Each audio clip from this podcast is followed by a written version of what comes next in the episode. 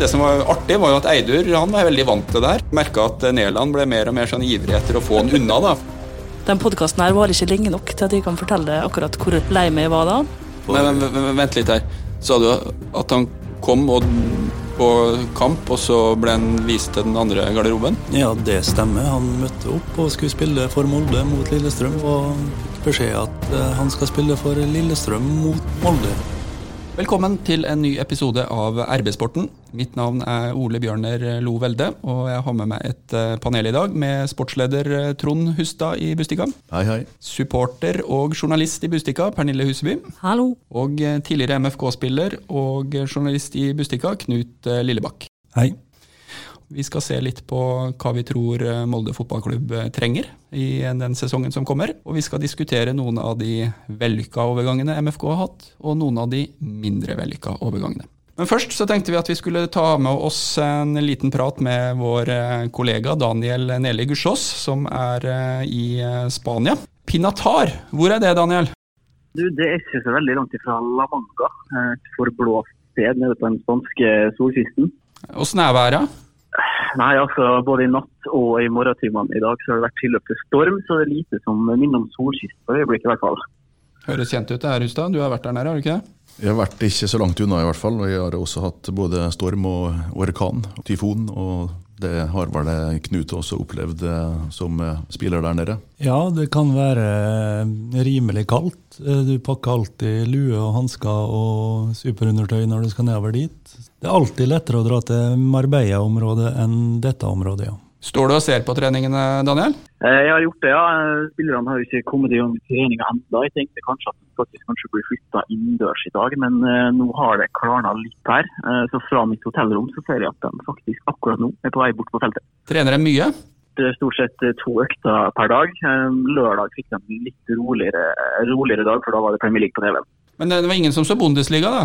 De fikk selvfølgelig med seg det, og det var jo eufori i MFK-stallen når de så Hellig ta Haaland putte hat trick i byen sin. Det er helt, helt utrolig.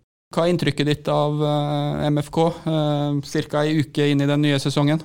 Nei, altså Den første, første dagen synes jeg de så litt tung ut, men da bar det selvfølgelig preg av uh, tunge fysiske tester. Uh, to dager før de dro ned til Spania. Uh, etter hvert så synes jeg tempoet og kvaliteten har kommet seg betraktelig. og I går så det veldig veldig bra ut borte på, på feltet. her. De kjørte på elvertbane for første gang uh, i år. Og, og, tempoet var bra. og Jeg tror de skal klare å komme seg i bra gang fram til, fram til seriestart, selv om det fortsatt er to år på andre.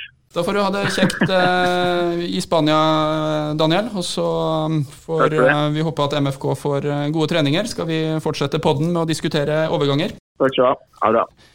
Ruben Gabrielsen har gått til fransk fotball. Etsas Hussain skal mest sannsynlig ikke spille for Molde fotballklubb i 2020. Hva tenker du Trond Hustad, om spillerstallen til MFK en uke inn i sesongen? Jeg tenker at den stallen som Molde har hatt, den har ikke vært veldig stor, men han har holdt veldig høyt nivå. Sånn at du kan godt si at Molde sikkert kan vinne Eliteserien en gang til, uten å forsterke. Fordi at de har nok midtbanespillere til å stille tre der, uten uh, Hussein. Og de kan sikkert vinne mange kamper i Norge med Gregersen i, Stian Gregersen i stedet for, uh, for Gabrielsen.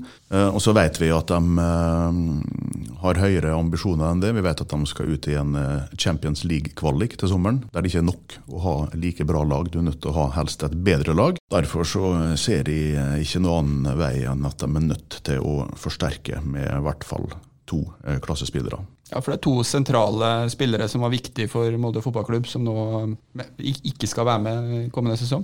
Ja, altså det er spillere som har vært både inn og ut eh, i hele sin tid i, MFK. De har ikke alltid vært like viktige. De har fått mye pes begge to, eh, fortjent til tider. for at eh, Hussein var ustabil helt til sommeren i fjor. Gabrielsen kunne ikke slå ei pasning for to-tre år siden. I år så var han en av de beste midtstopperne i Norge. Så dette her med attitude og lagmoral og den betydninga de har hatt i gruppa og ute på banen, gjør at de er nødt til å erstattes. Så Det vet vi at MFK jobber med. I tillegg så vet vi at de skal ha en venstre back, som skal være en backup for Kristoffer Haugen. Knut, hva tror du er Erling Moes første prioritet på, på transfermarkedet?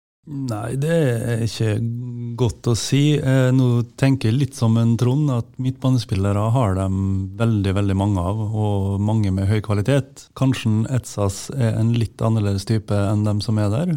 Jeg syns i fjor han sto fram som en ganske tydelig leder på midtbanen, som fikk i gang innsats og vant mye baller. Eh, så det kan hende de fortsatt eh, har veldig lyst på en sånn type spiller, en ballvinner på midten. Men så syns Jon Ruben var kanskje en av Moldes klart beste spillere i hele fjorårssesongen. Og så har du en Vegard Forhen som på sitt beste er en av Norges desidert beste forsvarsspillere. Og så må han komme seg opp igjen og bevise at han faktisk er det. Hvis du har da en Forhen i toppform og en Bjørnbakk, så er det veldig bra. Hva tror du, Pernille? Hva er supporterne mest utålmodige når det gjelder? Det er ikke så veldig mange som er supergira på Gregersen. Jeg tror, jeg er skeptisk, kjenner jeg, men nå har jeg ikke sett han spille på lenge, da, så det kan jo hende han har heva seg. Men for at han skal være god nok, så tror jeg han må heve seg ganske mye, da. Ruben er ikke erstatta eh, i mange sine øyne, i hvert fall. Ikke ennå. Hva vet vi om det Gregersen gjorde i svensk fotball? Han var på utlån eh, hele fjorårssesongen. Jeg har heller ikke sett uh, Stian Gregersen spille hele kamper i Sverige, så jeg kan ikke uttale meg om det nivået han har prestert på. Det vi vet er jo at han har spilt en litt annen fotball der, mm. der han har fått lov til å, å være god og bruke kvalitetene sine. Så han er en veldig god midtstopper. Sterk fysisk og har tempo. Mens i Molde så spiller de en annen type fotball, sant, som er mer ambisiøs og krevende, med ball i beina og pasningsspill eh, i trengte eh, situasjoner og sånn på egen halvdel. Så Det var der utfordringa ligger. da. Men jeg vet at det har vært eh, faktisk ganske stor interesse for Stian Gregersen fra eh, både inn- og utland nå. Og jeg vet at både Erling Moe og flere andre i MFK har stor tro på at Gregersen skal ta dette her steget, som Ruben Gabrielsen gjorde for ett eller to år siden. Så jeg vil ikke avskrive Gregersen eh, foreløpig. Han er også en eh, lokal spiller som er fra Kristiansund. Tror jeg er en ekstra grunn til at Molde vil gi han en ny sjanse. Men Hvis man tar det, da, en eh, midtstopper og muligens en, en midtbanespiller, og så nevner vi at uh, et cover på venstreback, en spiller for, for framtida, hva, hva, andre ting tror dere Erling og gjengen kommer til å være på utkikk etter? De er vel på utkikk i alle posisjoner hele tida, som det heter. De har jo en liste med nummer én, to, tre som er aktuelle for å gå inn dersom det blir salg. Og nå ser det vel ikke foreløpig ut som at det blir mange som forsvinner i januar, men det er klart at de sitter helt sikkert og følge med hvem de skal by på dersom Leke James plutselig blir solgt til Kina for 25 millioner om ei uke. Ja, det går jo ganske fort. altså Plutselig så har Molde bud på to spillere, dem, og så er de borte. Er det spillere i uh, spillerstallen som vi absolutt ikke bør miste nå? Leke James er nevnt, uh, ble en målgarantist uh, utover sesongen i, i fjor. Men er det noen som MFK absolutt ikke bør, bør selge? Selvfølgelig. Norges beste fotballspiller, Magnus Wolff Eikrem. Hvor sannsynlig er det at Magnus går. Eh, nå så tenker jeg at det er usannsynlig. Alt han har signalisert, tyder på at han helst vil være her i flere år. Så eh, jeg tror at han er Molde-spiller, ja. Hvor er det naturlig for en klubb som eh, Molde å leite etter forsterkninger? Plukke spillere som presterer på nedre halvdel av Eliteserien, eh, toppen av Obos, eller ha speidere og øyne ute i, ute i Europa? Jeg tror sånn som situasjonen er nå, så skal du finne en norsk spiller, så er det en ung spiller som har prestert bra enten i, helt ned i andrevisjon eller i Obos som har, Molde har eh, vist før at de kan utvikle til å bli veldig veldig gode fotballspillere. Ellers så er Molde et så bra lag og har en så bra tropp at skal de finne spillere som har spilt eliteserie som er gode nok til å spille for Molde, så er de gjerne aktuelle for større liga og større klubber. De har jo eh, speida nøye på det norske markedet på alle nivå eh, i mange år, Molde. og siste året, siste halvannet året så har de jo eh, strengt tatt saumfart litt det markedet av gode nok norske spillere. Ole Gunnar og Erling hadde ei liste, og de har plukka eh, Bjørn Bakk. De har eh, fått hjem Magnus da, som norsk spiller. De eh, kjøpte Ohi. Det er Harald Seid, Erling Knutson, Haugen. Altså, de har henta de beste norske spillerne som fins. Sånn at for å løfte dette laget her nå, så må du finne en løsning på en bossmann eller en som er tilbake etter skade, sånn type Le Leke James eller Bolly. Eh, eller så må de betale 10 millioner kroner for å hente norske eller utenlandske spillere fra utenlandske klubber og hit. Måten Molde har utvikla spillerne de har henta på, er vel også med å gi dem gode argumenter i det her overgangsmarkedet. Ja, det er flere gode grunner for fremadstormende spillere til å velge Molde. og En av de viktigste er selvfølgelig at de har sett i en årrekke nå at det er mulig å ta steget ut fra, fra denne klubben. Hvem vil supporterne tviholde på? Alle. Nei, altså jeg tenker jo eh, Martin Bjørnbakk, han eh, må vi ha. Han var så god i fjor at uh, jeg legger meg ned i fosterstilling og griner i et par uker hvis han forsvinner. OE er også viktig for klubben, ikke bare på banen, men også utafor. Kjempefyr. Aursnes. Eikrem. Ja, egentlig Aursnes årets spiller blant supporterne? Det ble én. Jeg er litt uenig der, for å si det sånn. Jeg heva både ett og to øyenbryn når det ble ropt opp, men det er vel um, sikkert litt upopulært å være enig med sportskommentatorer og alle andre som mener at Eikrem er årets spiller, så det ligger vel litt i fotballsupporterens ånd å ikke nødvendigvis være enig med det etablerte. Men jeg stemte på Eikrem, da, skal si det. Han kom på andreplass. Uten at jeg i farten kan kontraktsituasjonen til de spillerne som eh, Pernille ramsa opp, så er vel også dette her noen av de eh, heiteste salgsobjektene til Molde fotballklubb? Ja da, det er helt sikkert interesse for mange av eh, disse spillerne til Molde. Det er Norges beste lag og spiller veldig underholdende fotball. Eh, det er mange som står på blokka rundt omkring der eh, nå, og så vet en av erfaring at det er veldig langt derfra til at det kommer et konkret bud fra en utenlandsklubb da, som er godt nok til at det er interessant for alle. Det vil nok skje mer til sommeren, når MFK forhåpentlig har gjort det bra i Champions League-kvalik eller eh, kommet inn i Europaligaen. Da vet vi av erfaring at da blir ofte de beste spillerne solgt. Vi skal gå inn i det her eh, med silly season, den perioden av året hvor det skjer eh, litt underlige, rare ting. Overganger vi ikke så komme, spillere som kommer inn, forsvinner når man ikke tror at det skal skje, og overraskelsene vi har fått. En av de største overgangene Molde har hatt, var når eh, Eidur eh, Gudjonsson eh, plutselig landa på Årø. Kom ganske overraskende. Vi hadde noen små indikasjoner på det her på forhånd. og Jeg husker at jeg snakka med Trond Hustad, som var på MFK sin treningsleir i Dubai, tror jeg det året. Sånn cirka på den tida her. Ja, det var i Dubai, og det var vel februar 2016, ja. Og jeg husker også den tekstmeldinga som jeg fikk eh, fra redaktør Velde. da. Jeg har vært inne på telefonen min og funnet den fram, faktisk, med link til eh, et islandsk eh, nettsted. Som altså påstår at Eidur Gudjonsen da skal bli Molde-spiller. Og så Etter litt fliring så fant vi nå ut at dette her faktisk kunne være sant. Og jeg husker at de, de satt i resepsjonen på dette her luksushotellet i Dubai der i fire timer og venta på at eh, Ole Gunnar Solskjær skulle komme ut av heisen og dra på en planlagt eh, middag med trenerapparatet. For i mellomtida så hadde han sittet i telefonen med Gudjonsen og eh, en islandsk agent. Og når han omsider kom ned den kvelden, så kunne han bekrefte for eh, Romsdals Budstikke at denne spisen altså kom til å, å, signere for Molde. Så det var en, en surrealistisk eh, nyhet som fikk uh, rimelig stor oppmerksomhet både inn- og, utland etterpå. Eh, hvis du kommer utafra, så er det flyplassen, og flyplassen er ikke så veldig stor. Eh, så jeg har jo gjennom eh, de ti åra jeg har bodd og jobba her, hatt noen få intervjuer på flyplassen. Og, dette var jo et av de tilfellene, for vi fikk faktisk tips om at Eidur var med på kveldsflyet fra Oslo. Tror vi stilte tre mann der. Ja.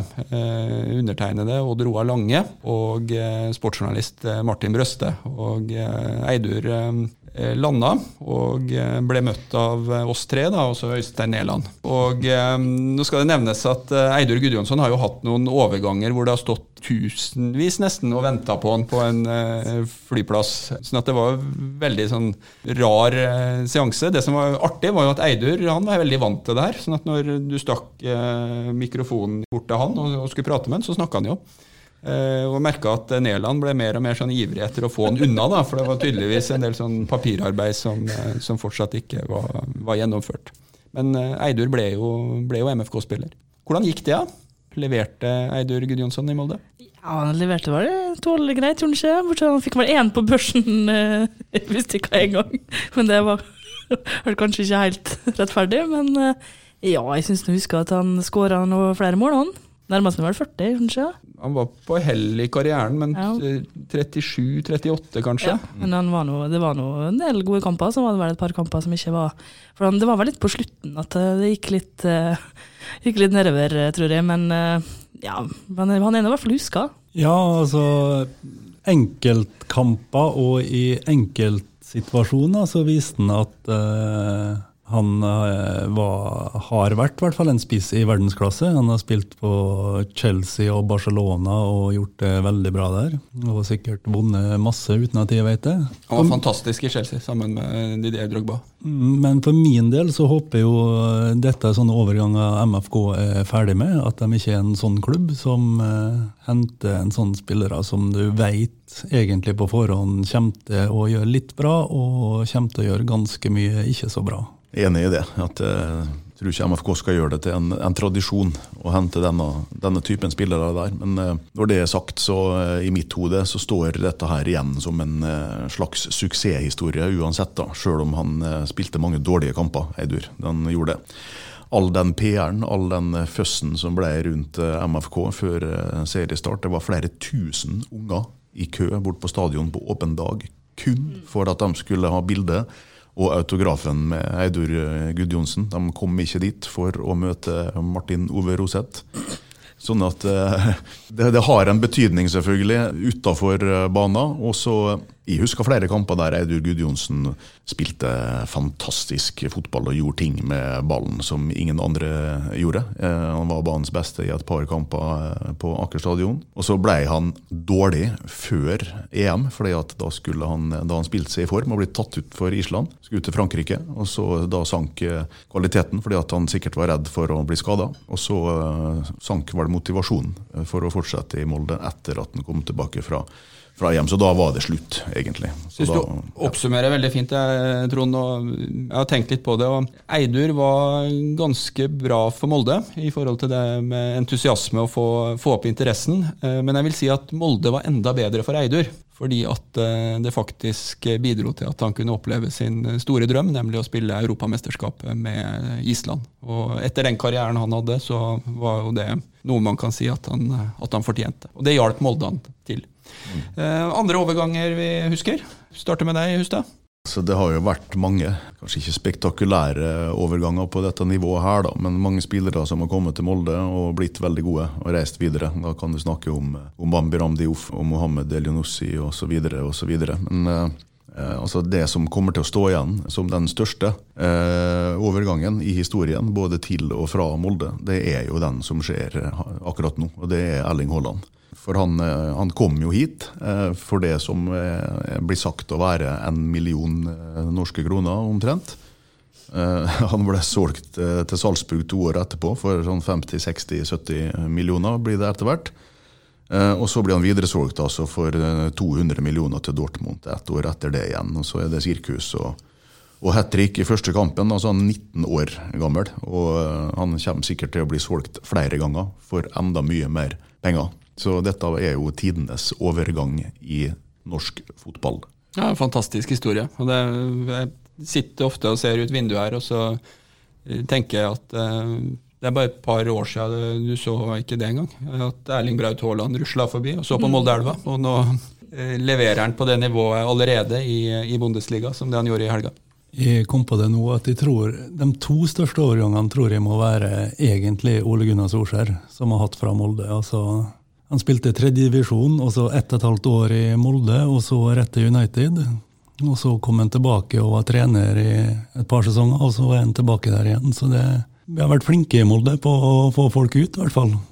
Fantastiske eh, historie, det også. Og det det, det fins noen sånne, så jeg tror, jeg tror vi kunne ramsa opp eh, ti med, med positivt fortegn.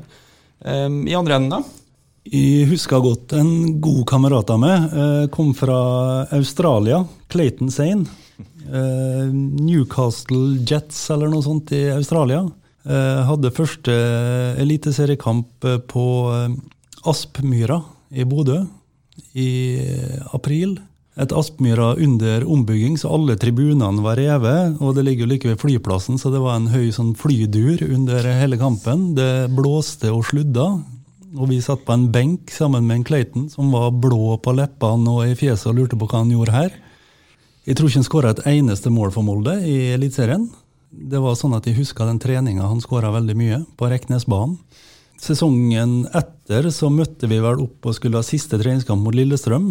Clayton var med oss og fikk beskjed når vi møtte opp at nei, du skal være i andre garderober. Så da gikk han til Lillestrøm og endte vel opp med å bli toppskårer i Eliteserien for Lillestrøm og solgt til Anderlecht. For, Men, men, men vent litt her.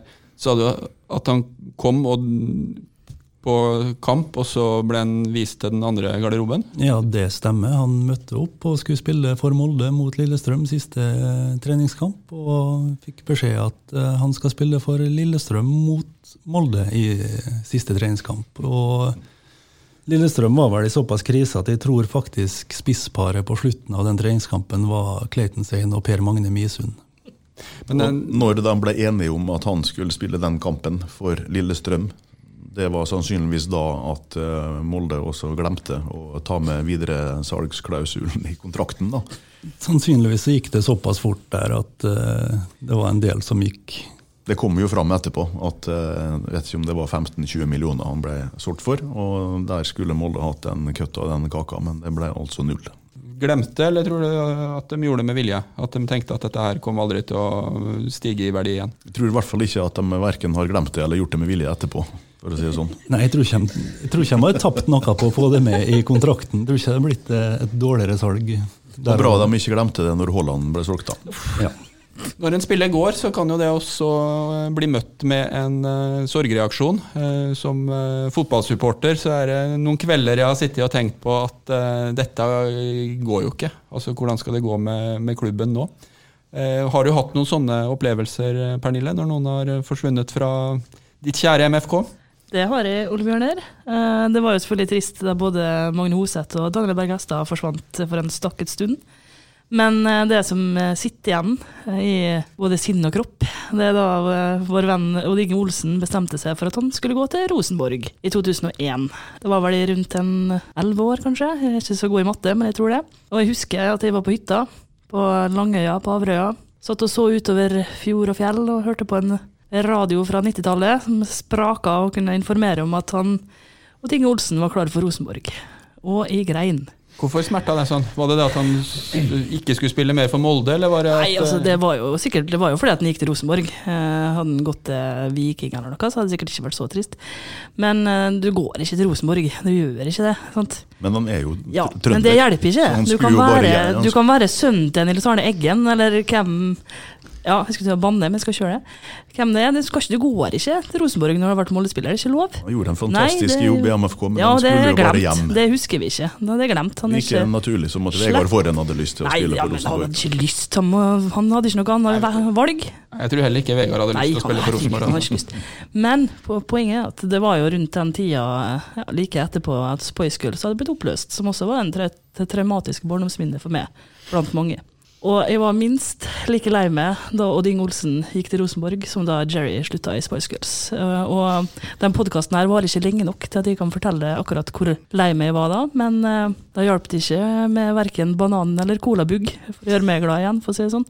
Jeg skal innrømme det at uh, når du sier det her nå, så jeg husker bedre at uh, Jerry forlot Spice Girls enn at Odd Inge Olsen forlot MFK. Altså. Ja, det, kan, det var traumatisk for det òg. Ja, det- vi kan lage en egen podkast om det. Ikke nødvendigvis traumatisk, men jeg, Jo, jo, men jeg husker det bare. Du var lei det. Og Ganske ingen- sikker på at uh, Odd Inge Olsen uh, var en mye bedre lagspiller enn en Jerry? Uh, Jerry var. Ja, det var lenge siden de kunne spice up my life, for å si det sånn. Har vi andre overganger som vi tenker at vi bør ha med når vi snakker om overganger vi ikke husker? Har du en, har du en jeg ikke husker, Trond? Ja, jeg har mange, men siden dette her ble brakt på bane i, før vi begynte her, da, så har jeg jo leita litt både i min egen hukommelse og i arkivet vårt for å huske mer eh, av det som skjedde rundt den ene eh, overgangen, som eh, står for meg som, som den minst vellykka. Det var jo da en fantastisk europaligakamp som Molde spilte mot Celtic i november 2015.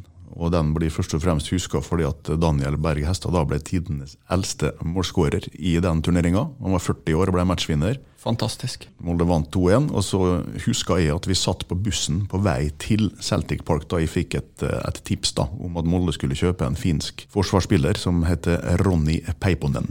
Det er sikkert noen som husker han. Jeg vet at det er veldig mange som ikke husker han. Men det, det tipset kom litt tidligere, og det ble bekrefta av direktør Tarjei Nordstrand Jacobsen. Han var 18 år da, og han kom fra, fra HJK Helsinki. Og Av en eller annen grunn så hadde han blitt oppdaga av MFK i en treningskamp, i, eh, ikke Pinatar, men i Marbella, eh, før den sesongen der. Eh, da var det Tor Ole Skullerud som eh, var trener. Og jeg var faktisk på den kampen på jobb for oss, sammen med vår fotograf eh, Erik Birkeland, som drev og tok bilder av han her peiponen. Fordi at han holdt på å sparke ned Knut Olav Rindarøy ute på sidelinja hele tida. Det var derfor vi huska han. Eh, men det var tydeligvis mange som hadde sett et, et stort talent her. da. Sett noe han, annet, da? Eh, måtte ha sett noe annet enn det som vi så. Han ble i hvert fall kjøpt ut av kontrakten, og så signerte en avtale på tre og et halvt år. Han hadde faktisk eh, hatt to finske trenere som tidligere spilte i Molde. Knut, hvem kunne det vært? Det må ha vært eh, Tony Koskela og Jarko Wiss. Det er korrekt. Ja. Imponerende. Men Han hadde aldersbestemt landskamp og alt mulig, og det var liksom kjempestore forventninger da, til han eh, høyrebekken der skulle erstatte Martin Linnes, som da var på vei eh, til å bli solgt til utlandet. Men han ble altså en av de største floppene i MFKs nyere historie. da. Han spilte seks treningskamper, fant de ut i stad. Han spilte to fra start og fire som innbytter. Så skulle han bli leid ut til Hødd, men de ville ikke han, så han ble leid ut til Åsane i et halvt år. Og så ble han sendt tilbake til Finland etterpå, og der eh, spiller han fortsatt en kamp i ny og ne på HJK Helsinki. Vi må google den, faktisk. Ja, tidligere mm, redaktør av eh, fotballtidsskriftet Jossimar, Frode Lia, gikk ut på et medienettsted i forrige uke og sa at eh, vi skal være forsiktigere med å drive det han kaller ryktejournalistikk knytta til overganger. Lia viser til at uh, vi i mediebransjen blir ofte brukt av aktørene for å skape interesse eller påvirke en overgang. Og uh, oppfordrer oss også til å være mer kildekritiske. I teksten så henviser han bl.a. til at dette er et område i journalistikken hvor det til en viss grad er praksis å sitere anonyme Twitter-meldinger. Vi i Bustika tenker jo mye på hvordan vi opptrer i forhold til det her med overgangsjournalistikk. og kan starte med deg, Trond. Hva tenker du er det riktige nivået å legge seg på i denne journalistikken som, som vi vet at det er voldsom interesse for? Jeg håper jo at eh, det riktige nivået er i nærheten av det nivået som vi eh, ligger på og har eh, ligget på. Jeg mener jo at vi uh, har et bevisst forhold til, til uh, denne vurderinga her da, av hva vi skal ta videre, eller hva vi ikke skal ta videre. Og da kan du godt si at vi skriver om rykter uh, en gang iblant. Ja. For egen del så vil jeg i hvert fall påstå at vi stort sett skriver om rykter som vi vet at det er et eller annet hold i. Sånn Eidur-eksempelet som du viser, er jo egentlig ganske godt, for der er det en redaktør som sitter og surfer på internett og finner ut at uh, et islandsk nettsted skriver noe som du i utgangspunktet tror er uh, interessant, men ikke nødvendigvis riktig, og så jobber du videre med det for, for å få det bekrefta før, før, vi gjør det til en stor sak? Ja, du må i hvert fall få det bekrefta på et eller annet uh, vis, og noen ganger så kan du ikke få det med en åpen kilde. Men å bruke skjulte kilder det er en del naturlig del av all journalistikk, også sportsjournalistikken. Men da bruker vi altså det i disse tilfellene her for å bekrefter at det ikke er oppspinn. Sånn at det er mange saker som kommer eh, fra England eller fra Tyrkia eller fra Twitter eller på eh, telefon som vi ikke bare kaster ut, men da kan vi tåle å vente litt og eventuelt bli slått av TV 2 eller noen da, som eh, kanskje har rett i 50 av eh, påstandene om eh, Molde fotballklubb nevner Tyrkia her, det er jo noe av det som er krevende. MFK har jo solgt en del eh, spillere til Tyrkia, og tyrkisk sportspresse har en litt annen standard for det her med rykter enn eh, en det vi har her i Norge. Jeg tror jeg leste et sted at uh, gjennom en sesong så kan uh, x antall hundre navn bli knytta opp mot storklubber som f.eks. Galatasaray Besiktas. Mm. Men en del av poenget her er jo også at uh, vi må jo gi leserne våre det de vil ha. Og som du er inne på, Ole Bjørn, den interessen rundt dette stoffet her er jo voldsom. Det er jo, det er jo, det er jo ekstremt. Sånn at en spiller som er aktuell for Molde, eller eh, aktuell for å dra fra Molde, Det skal vi selvfølgelig skrive om, så lenge det fins et, et snev av sannhet. Hvordan er leserinteressen Pernille, blant supporterne? Sluker man det her rått og begynner å diskutere med en gang man ser et navn som er lenka til, til MFK? Tror ikke man sluker det rått, altså. Det er ikke sånn at uh, den type rykter er Man tror ikke på det med en gang man leser det, men diskusjonene kommer, ja. Det gjør de. Men jeg husker jo f.eks. da Ole Gunnar Det begynte å ryktes at han var uh, på vei til United. Da var det vel en som tvitra det. Uh, og det var jo mange medier som skrev basert på den tweeten, men vi valgte å ikke gjøre det, for vi visste jo på en måte ikke det kunne jo bare, Hvem som helst kan jo skrive det på Twitter, uten at det trenger å være noe sannhet i det. Jeg tror nok at det er viktig at man eh, holder hodet litt kaldt i sånne situasjoner, og venter til man i hvert fall har en kilde som kanskje kan si eh, litt mer enn det en hvem som helst Twitter-fyr eller -kvinne kan gjøre. Det er selvfølgelig viktig å være først, mm. Eh, men det aller viktigste er å ha rett. Ja, Det handler jo mye om troverdighet her, da. Så fotballspillere, Knut. De leser dem de her ryktespaltene og, og, finner igjen sitt eget navn i sammenhenger hvor de trodde de ikke, de ikke var aktuelle? Det kan nok helt sikkert skje. Det er jo en måte gjerne agenter, og kanskje til og med spillere sjøl, kan uh, sørge for å tjene seg mer penger. Det, jeg skjønner at en klubb som MFK er redd for at uh, spillere de er interessert i og har lyst til å kjøpe, at media skal begynne å skrive om det. For da koster det plutselig klubben to-tre millioner kroner mer å kjøpe den spilleren, for det kommer andre på lasset og skrur opp prisen. og det er, ganske, det er en vanskelig balansegang. Man kan være med å skape en forventning eh, som ikke innfris, og som eh, både svekker troverdigheten til, eh, til mediehuset, samtidig som eh, den ikke er heldig for de, for de involverte. Eh, ja da, det kan skje. Det kan slå alle veier, dette der, selvfølgelig. Og det, det er jo en litt sånn ryggmargsrefleks som vi sitter og jobber med hele tida. Eh, samtidig som vi ikke skriver om ting, ting før vi sjøl vet at det er noe i det, så skriver vi jo veldig ofte om ting som en spiller eller som eh, Molde fotballklubb ikke ønsker at vi skal gjøre. Så dette der går, går begge veier. Så, så har vi sikker informasjon, så venter ikke vi med det. Jeg skulle akkurat nevne det, at Dette er jo et område i, av journalistikken hvor man også opplever at eh, kildene ikke nødvendigvis er veldig snakkesalige. Altså Her skaper det jo et inntrykk av at folk driver og legger ut agn hit og dit og snakker villig, men uh, min opplevelse er jo at det kan være ganske vanskelig å få de her eh, bekreftelsene både fra agentsida og og fra fotballklubbene. Ja, og en agent han har som oftest en agenda i den ene eller andre retninga. Sånn at troverdigheten eh, i den bransjen er jo selvfølgelig noe han er nødt til å ha i bakhodet hele tida.